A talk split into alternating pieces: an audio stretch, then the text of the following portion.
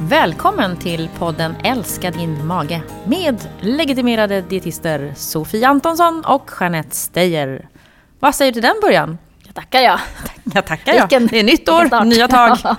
ja, usch. Det, det, det är ju ny, ny, vecka, nya tag. Ja, nya Nya- utmaningar. Ja, precis. Men du, blir det här liksom avsnitt eh, 44? Typ 2019? Jaha, ja alltså, nej alltså 43 sa vi ju. 43 nämligen. sa vi ju. Ja. Eh, och eh, det, det tycker jag att, vi antar att det blir. Ja, man, kan börjar inte om. Nej, man gör ju inte det. Nej. Det här är bara en, Man en om. evighetsmaskin. Vi gör ju som vi vill Ja. naturligtvis. Det är ju ingen annan som bestämmer. Men Nej. vi fortsätter. I gamla spår. I gamla hjulspår men ändå med eh, lite ny kraft och eh, lite nya insikter. Ja. Kan man väl ändå säga. Absolut. Ja, mm, vi har fått mycket insikter över eh, jul och nyår. Är det någonting du vill berätta närmare om? Nej, Nej. det är det faktiskt egentligen inte. Utan jag bara känner att det är, jag fick en insikt om att eh, jag vilade väldigt mycket. Ja, Ja. bra. Mm. Det behövde du. Ja, att jag behövde vila. Det var Mm. en insikt jag fick. Eh, och det gjorde jag. Jag lyssnade på min kropp och så Det var vilade jag. bra. Det var bra. Det är Ja. ju det vi säger ju hela tiden, att vi ska lyssna på våra kroppar. Så glömmer vi bort ibland själva hur tokigt den kan bli. Ganska det- ofta Ja. glömmer vi nämligen att vi lever som vi lär. Men vi vet ju att det är bra. Det är det verkligen. Jag det fick verkligen. ännu en gång en insikt om hur mycket jag älskar att vara ute i naturen och åka skidor, bland annat. Mm. Längdskidor har jag gjort en hel del av. Fantastiskt. Och du, jag tror du gjorde en liten volt i spåret också och skadade din Eh, ja. lilla änd. Det, med lilla Änd- svans.ändsvans. Inte ändtarmen utan Nej. svansen. Min lilla häleben, som man säger på danska. Ja. Svanskotan satte jag mig rakt ner på, för jag var ute och åkte längd och så var det lite nedförsbacke och så lite mm, varsitt ben åt varsitt håll. Ja. Och han inte ta emot. Det gjorde ganska ont. Ska jag tala om. Alltså, Mm. det är ju nästan det ondaste man kan göra. Ja, men jag tror ju att man kan nog slå den mer än vad jag gjorde, har jag förstått. Jag hade nog tur där också. Jag hade en, en avlägsen vän en gång. Eh, han körde sån här trickskida, eller free, freeride. Alltså man bara åker i skogen Mm. Ja. och hoppar över bergsklippor. Herregud, och, ja. ja. Han eh, landade på en stubbe och klöv sin svanskota. Nej, fy fasiken. Det gick itu. Ja. Ja.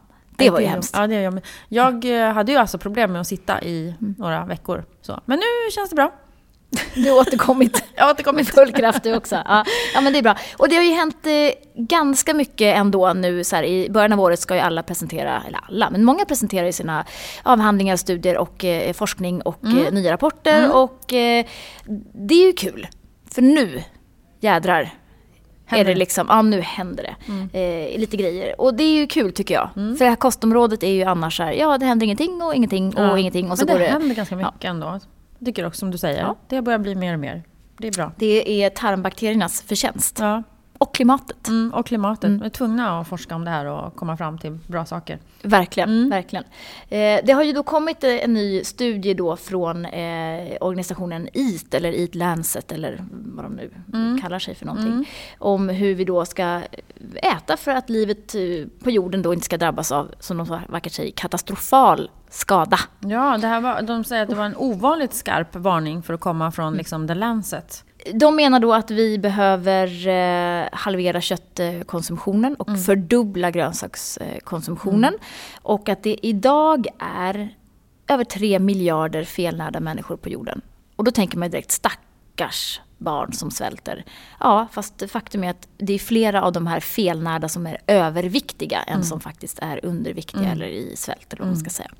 Så synd eh, kanske det inte är om alla, eh, men på ett sätt är det ju det för att det är ju Absolut. naturligtvis otroligt eh, ja, hälsovådligt Mm. att eh, vara eh, överviktig och Lida undernärd. fetma. För att jag Mm. menar det är ju det är många som faktiskt har en, en, hög kroppsvikt men som ändå är, har näringsbrister för att man äter näringsfattig mat.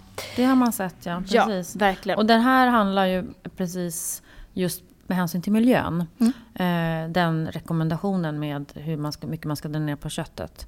Det. Inte eh, hälsoskälen. Där finns det ju andra eh, råd och Mm. rön med mängder och så vidare. Men, men eh, om man lägger ihop de där två så eh, handlar det ju om att vi behöver dra ner på vår köttkonsumtion.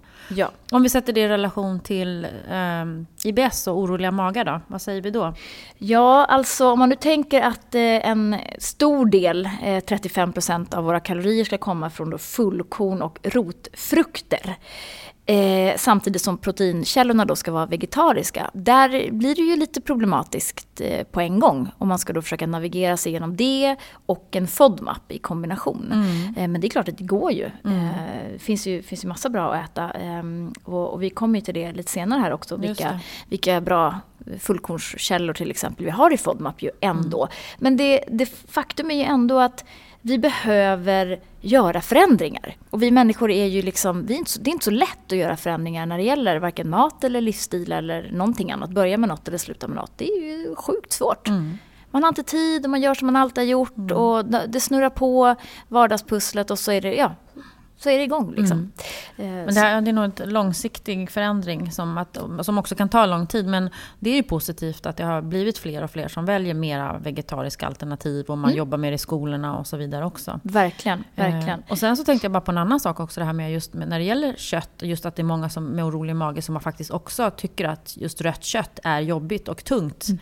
i en IBS-mage. Verkligen. Och jag träffar ju många, eller jag tycker jag hör från många att, eh, att även om man inte upplever att köttet är så här, särskilt att man reagerar på det, så de som slutar eller drar ner mycket på köttet, de kan ju ändå uppleva att men gud, det blev bättre i magen nu. Mm. Så att man behöver inte ens tycka att det här köttet är jobbigt eh, från början, utan det är många som drar ner och inser att okej, nu mår jag faktiskt mycket bättre. Och det har ju att göra med kompositionen av tarmfloran.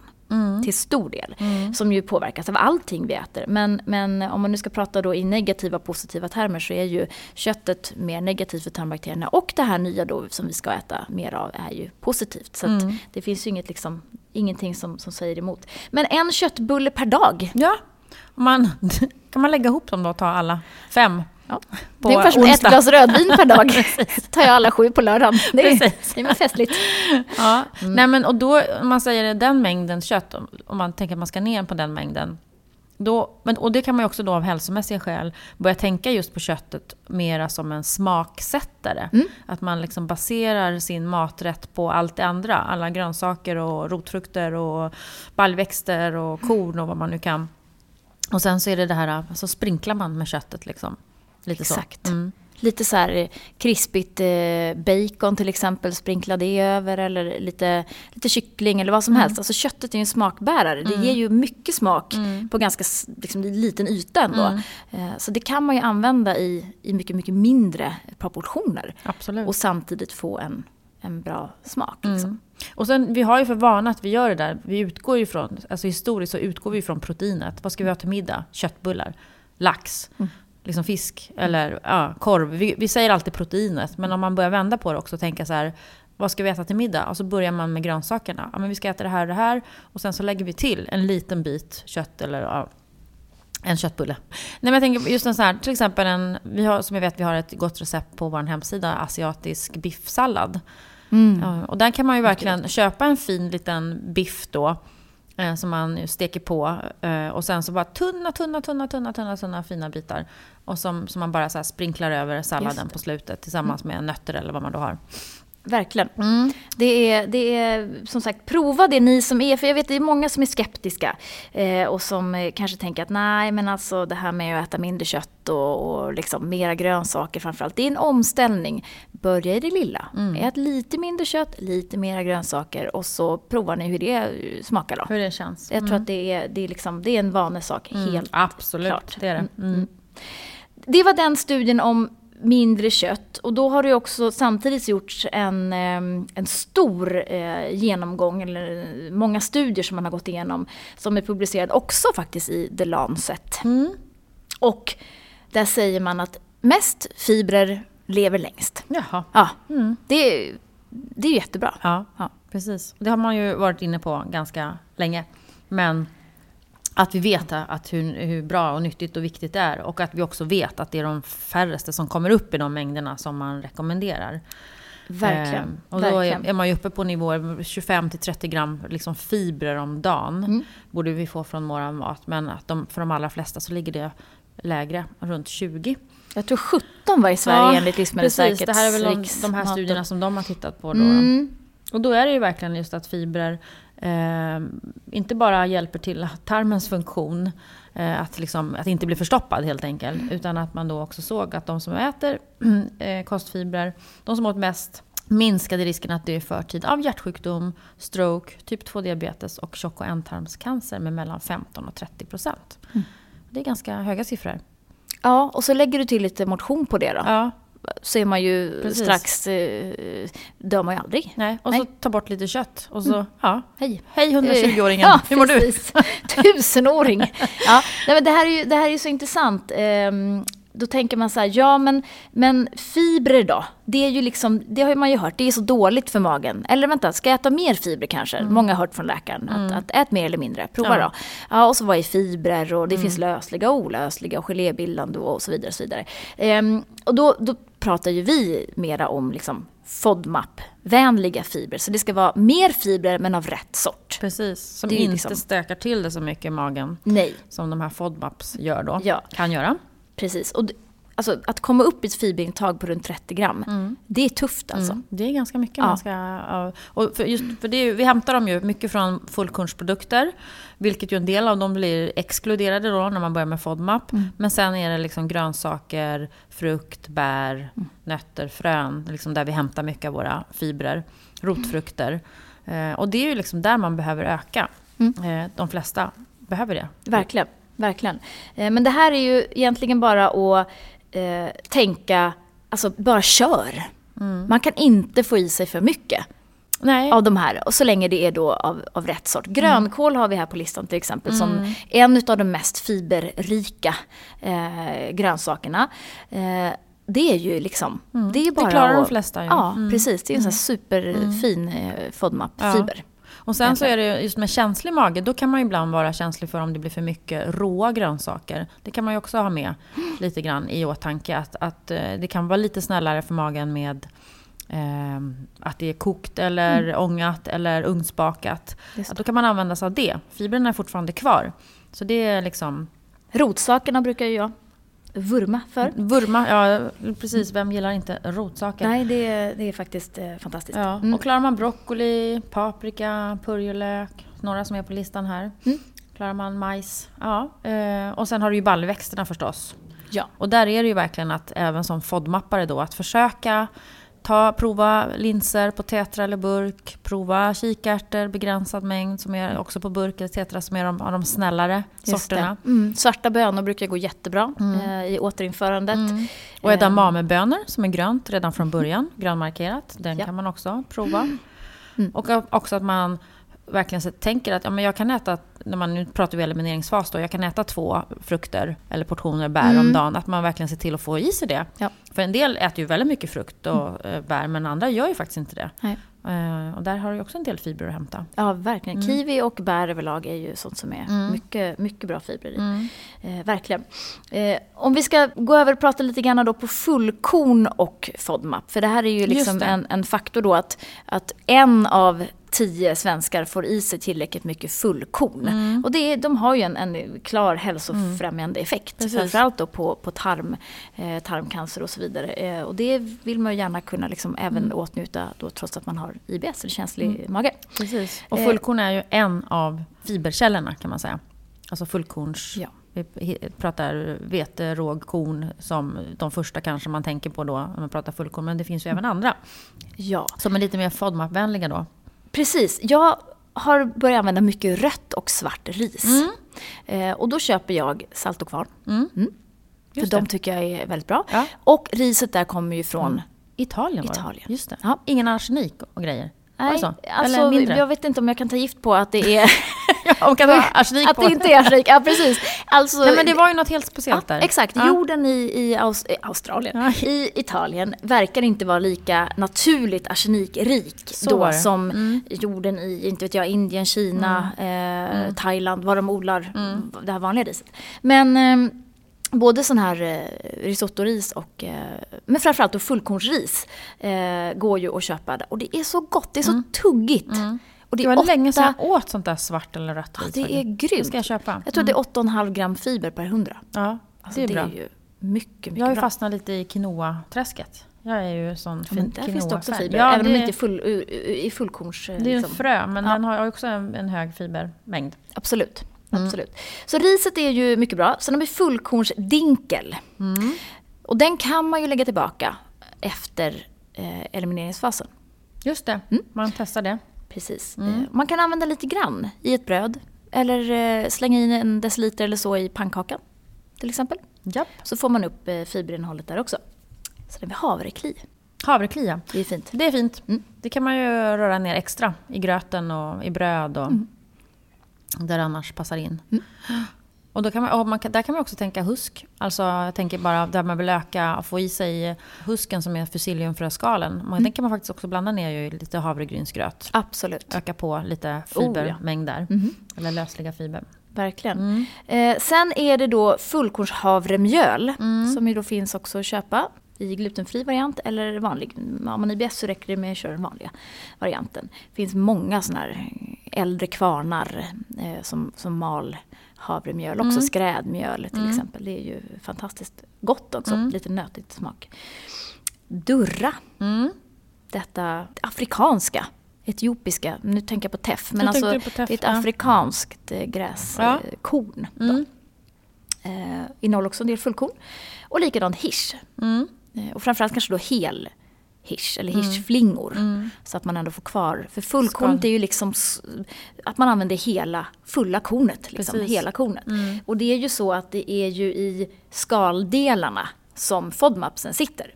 Det är ju där oligosacchariderna sitter. Mm. Så, att, Så det är det där som blir den liksom, det jobbiga för en IBS-mage. Just att det här är samtidigt de delarna som är bra för våra tarmbakterier. Men har man IBS så blir det de delarna som kan bli alldeles för jobbiga. Just det. Och det är därför man säger ta bort till att börja med och sen återinför och testa mängderna. Mm. Så förhoppningsvis så kan man ju återinföra kanske också andra fullkornsprodukter. Att man klarar av lite råg eller lite fullkornsvete eller så. Men det ser man ju efter elimineringsfasen. Det gör man Mm. absolut. Och så får man prioritera vad man tycker att det är är värt. Om man kan hitta FODMAP-vänliga fullkornskällor så är det kanske, liksom, Ja, kanske det räcker. precis, absolut. Eh, Sen har vi då min favorit. Mm. Popcorn. Oh. Who would know? Va?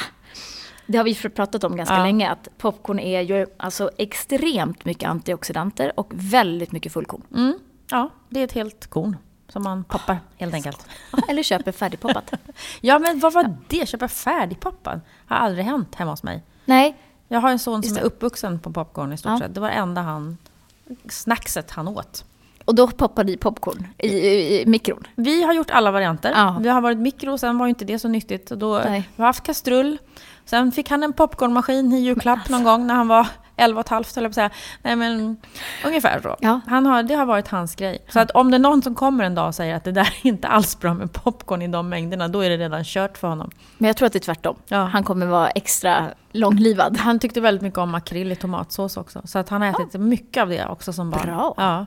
Men det är därför han är så smart. Ja. Stor och stark. Sen däremot åt han ganska mycket kanel, så det kan bekymra mig hur hans lever ser ut. Nej men alltså faktiskt, popcorn det är inget dumt snack. Nej, Det är, det är kalorisnålt, det är gött, det är magvänligt och det är uppenbarligen väldigt nyttigt. Ja. Eh, ja. Och jag orkar inte stå hemma och diska sönderbrända kastruller och ha brandvarnare som kör igång. Min sambo har liksom försökt nu typ hur många gånger som helst Ja. att poppa bra popcorn. Du vet så- som gick när man var liten. Då hade man en vanlig kastrull Mm, Ja. och så poppar man på. Ja. Allting blev poppat, det var inget bränt, det var ingen Men går rök. inte det längre nu Nej, för tiden? nej. Okej. Nej, jag tycker inte det funkar. Okej. Nej, så Ja, att då kör vi då kör färdiga. Bra. Det är, det är verkligen, verkligen eh, gott, tycker jag. Mm. Och så väljer man då någonting av det här varje dag. För det blir ju, om man ska upp på den här mängden fibrer också så är det ganska mycket ändå man behöver äta.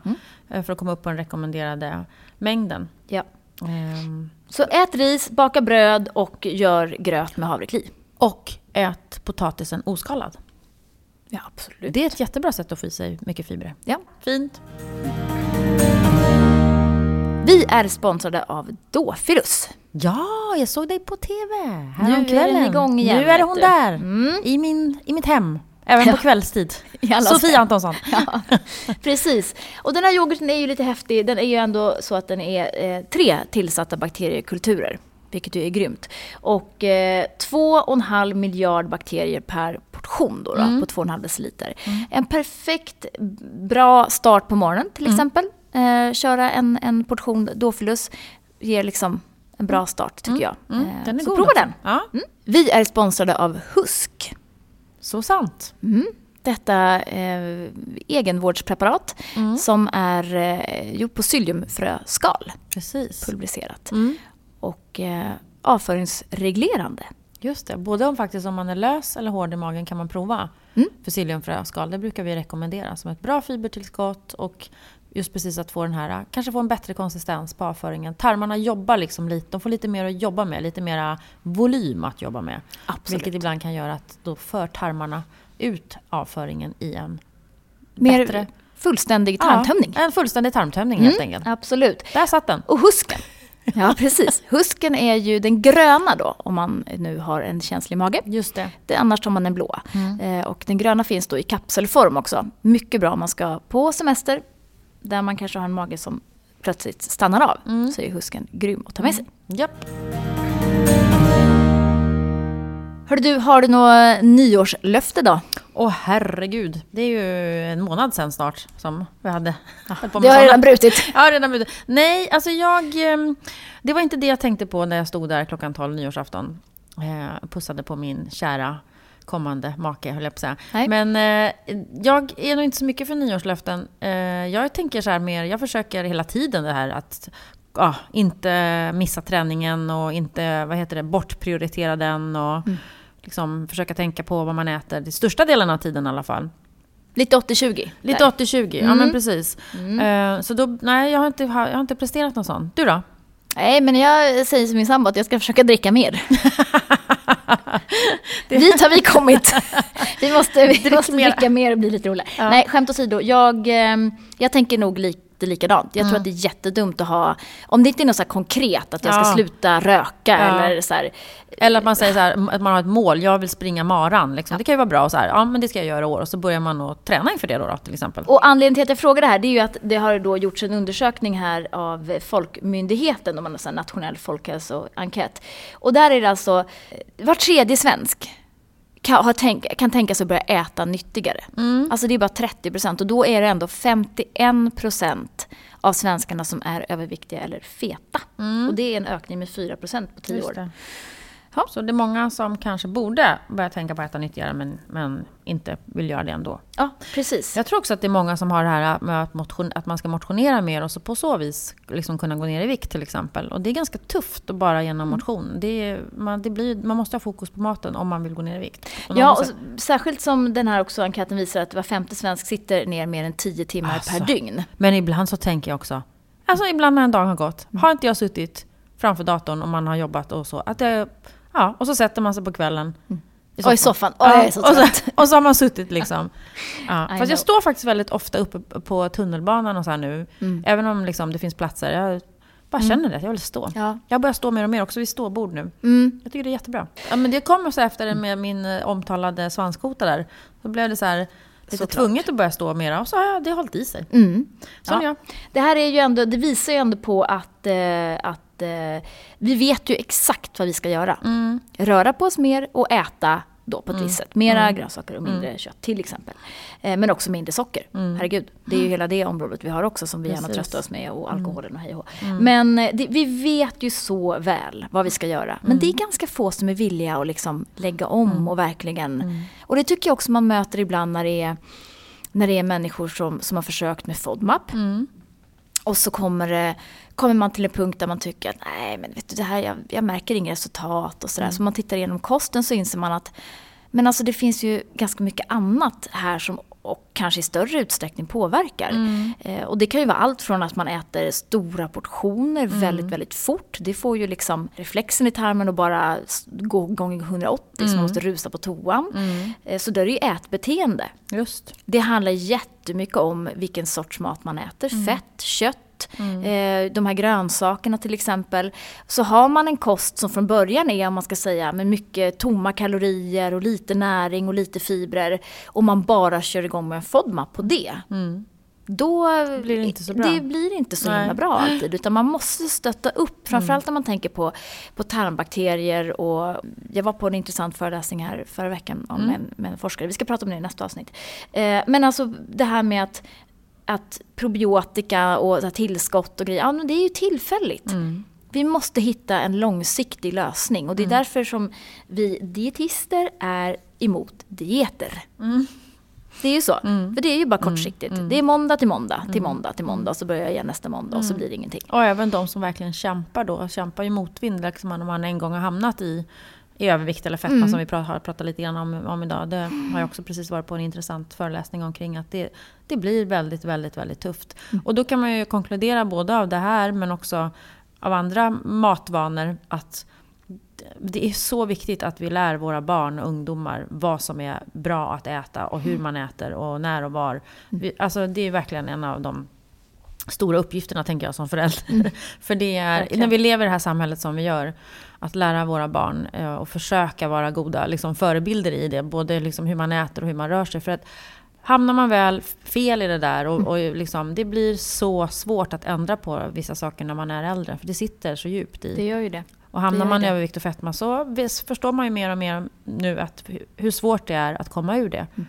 Så att, eh, ja, där tycker jag vi har en stor uppgift som föräldrar. Absolut, vi tar den med oss. Ja. Och apropå då dieter. Mm.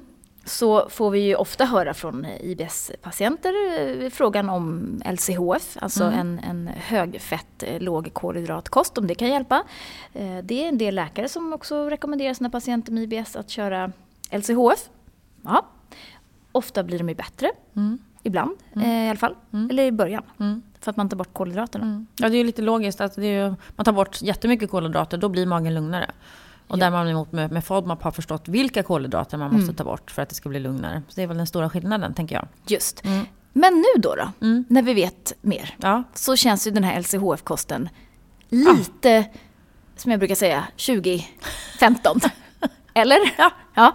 Och jag menar inte vara eh, raljerande över det här, men alltså på riktigt så är ju det ett mönstret eller ätbeteendet fullständigt tvärt emot vad vi har för rekommendationer och det vi ser nu i forskning och, och så.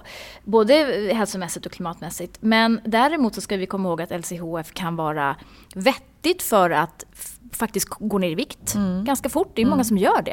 Eh, eller få kontroll på en diabetes Precis. där man har extremt höga blodsockervärden.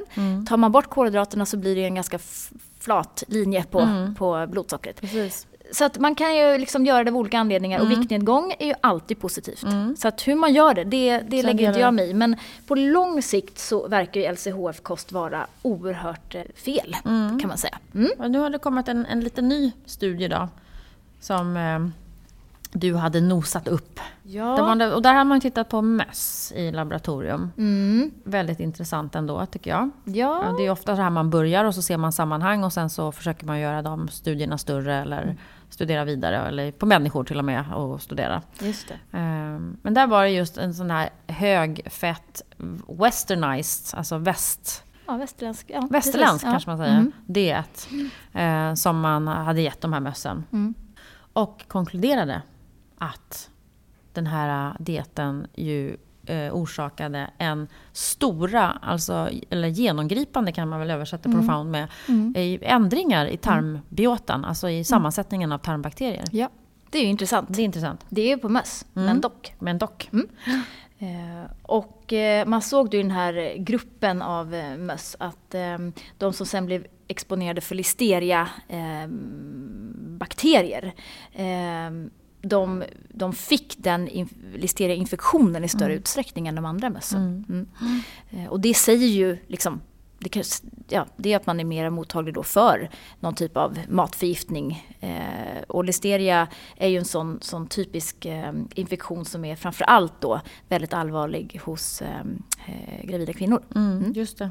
Så det är därför man säger att, att man ska undvika då till exempel eh, chark och, och så vidare som är lång, långlagrat där det kan växa till sån här listeria. Mm. Eh, Men det här är intressant. Mm. Återigen då, så här, vad gör köttkonsumtion eller fettkonsumtion med vår tarmflora och så Mm. vidare. Ja, men i det här fallet då så verkar det ju som att fett faktiskt påverkar tarmfloran mm. väldigt, väldigt, väldigt mm. mycket. Och att det också gick vidare ut, påverkade liksom in i, i eh, kroppen också? Ja, precis. På, på immunnivå. Eh, liksom, ja. eh, så påverkar det. Och det är ju också intressant alltså. Mm. För det är det vi, vi pratar mycket om nu. Det immunologiska svaret och immunförsvaret rättare sagt. Mm. Och, och eh, de här mikroinflammationerna och det som vi egentligen ja, tror att vi alla har i, mm. i högre och uh, lägre utsträckning men som ändå påverkas väldigt mycket. Mm. Mm. Så att uh, det här med mycket fett då verkar väl kanske inte vara uh, att rekommendera. Och våran västerländska diet kanske? Som... Nej precis, och det kan ju vara att det är mycket socker och att det är mycket mm. liksom, näringstomma livsmedel mm. och så vidare. Ja, och mycket kött, precis som vi har varit inne på. Ja, ja. Det, det, är ju sånt som vi vet att tarmbakterierna definitivt inte gillar. För jag menar, äter man näringsfattigt då har de ingenting att mm. jobba med. Det Nej. finns ju noll och ingenting. Nej inga substrat alls. Så mm. det, det, är ju helt, eh, helt rimligt. Mm. Ja. Så vi tar och, och, eh, fokuserar mindre på dieter då. Ja. Och mera på något sorts liksom håll, hållbart sätt. Hållbarhet. Mm. Och låt oss avsluta det här januari-avsnittet då, då, som ju är viktens och nystartens månad. Det blev det. Eller, det, blev ja, det, det, blev det i vår podd också. Ja. ja. Mm. Eh, men det är för att det kommer mycket sådana undersökningar mm. nu. Ungefär som den här då, att, att, kvinnor går upp i vikt när arbetskraven är höga. Mm, just det. Mm. Mm. Men eh, våra män då, det gör, där gör ingen skillnad. De går inte upp i vikt av det. Det här var en svensk studie också. Ja, mm. eller hur? Och en lång studie. Under 20 år mm. har de mm. deltagit i studien, de här som man har tittat på. Då. Just det. Väldigt intressant. Mm. Ehm, och man, fick då, man tittade på eh, kroppsvikten då såklart och krav och kontroll i arbetet.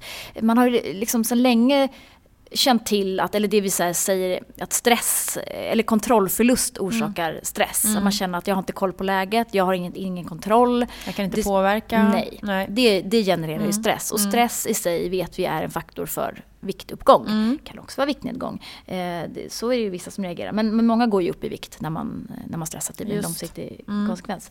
Så att um, Eh, och det här då med, med eh, det, var, det är vanligare för personer då, precis konkluderar de här också, att, att låg kontroll eh, och då gick man upp i vikt. Men det man då såg i, eh, i den här studien var att kvinnor också gick upp då av långvarig exponering av höga krav. Mm. Och det verkade inte äh, männen då svara på samma sätt och de, de gick inte upp i vikt. Just det. Mm intressant. Ja, det var intressant. Mm. Och de som de skriver där, att de, man, de, man vet ju inte varför, men man kan ana om att det handlar om att kvinnor har, ofta har en kombination av att har man höga krav på jobbet och sen har man samtidigt en massa saker, ett större ansvar i hemmet. För det har man ju sett också i tidigare studier, undersökningar. Vi kommer hem, hög stressnivå mm. och sen har man fortfarande hög. Ja, fortsätter fortsätter hela kvällen. Ja, ja. Exakt. Mm. Uh, det... Så, så det ja, ska man också tänka på. Mm. Sänk kraven. Sänk kraven. Mm. Sänk ja. ribban, sänk ambitionerna, tänk good enough. Good enough is good enough. Good enough is good enough. Bra. Fint.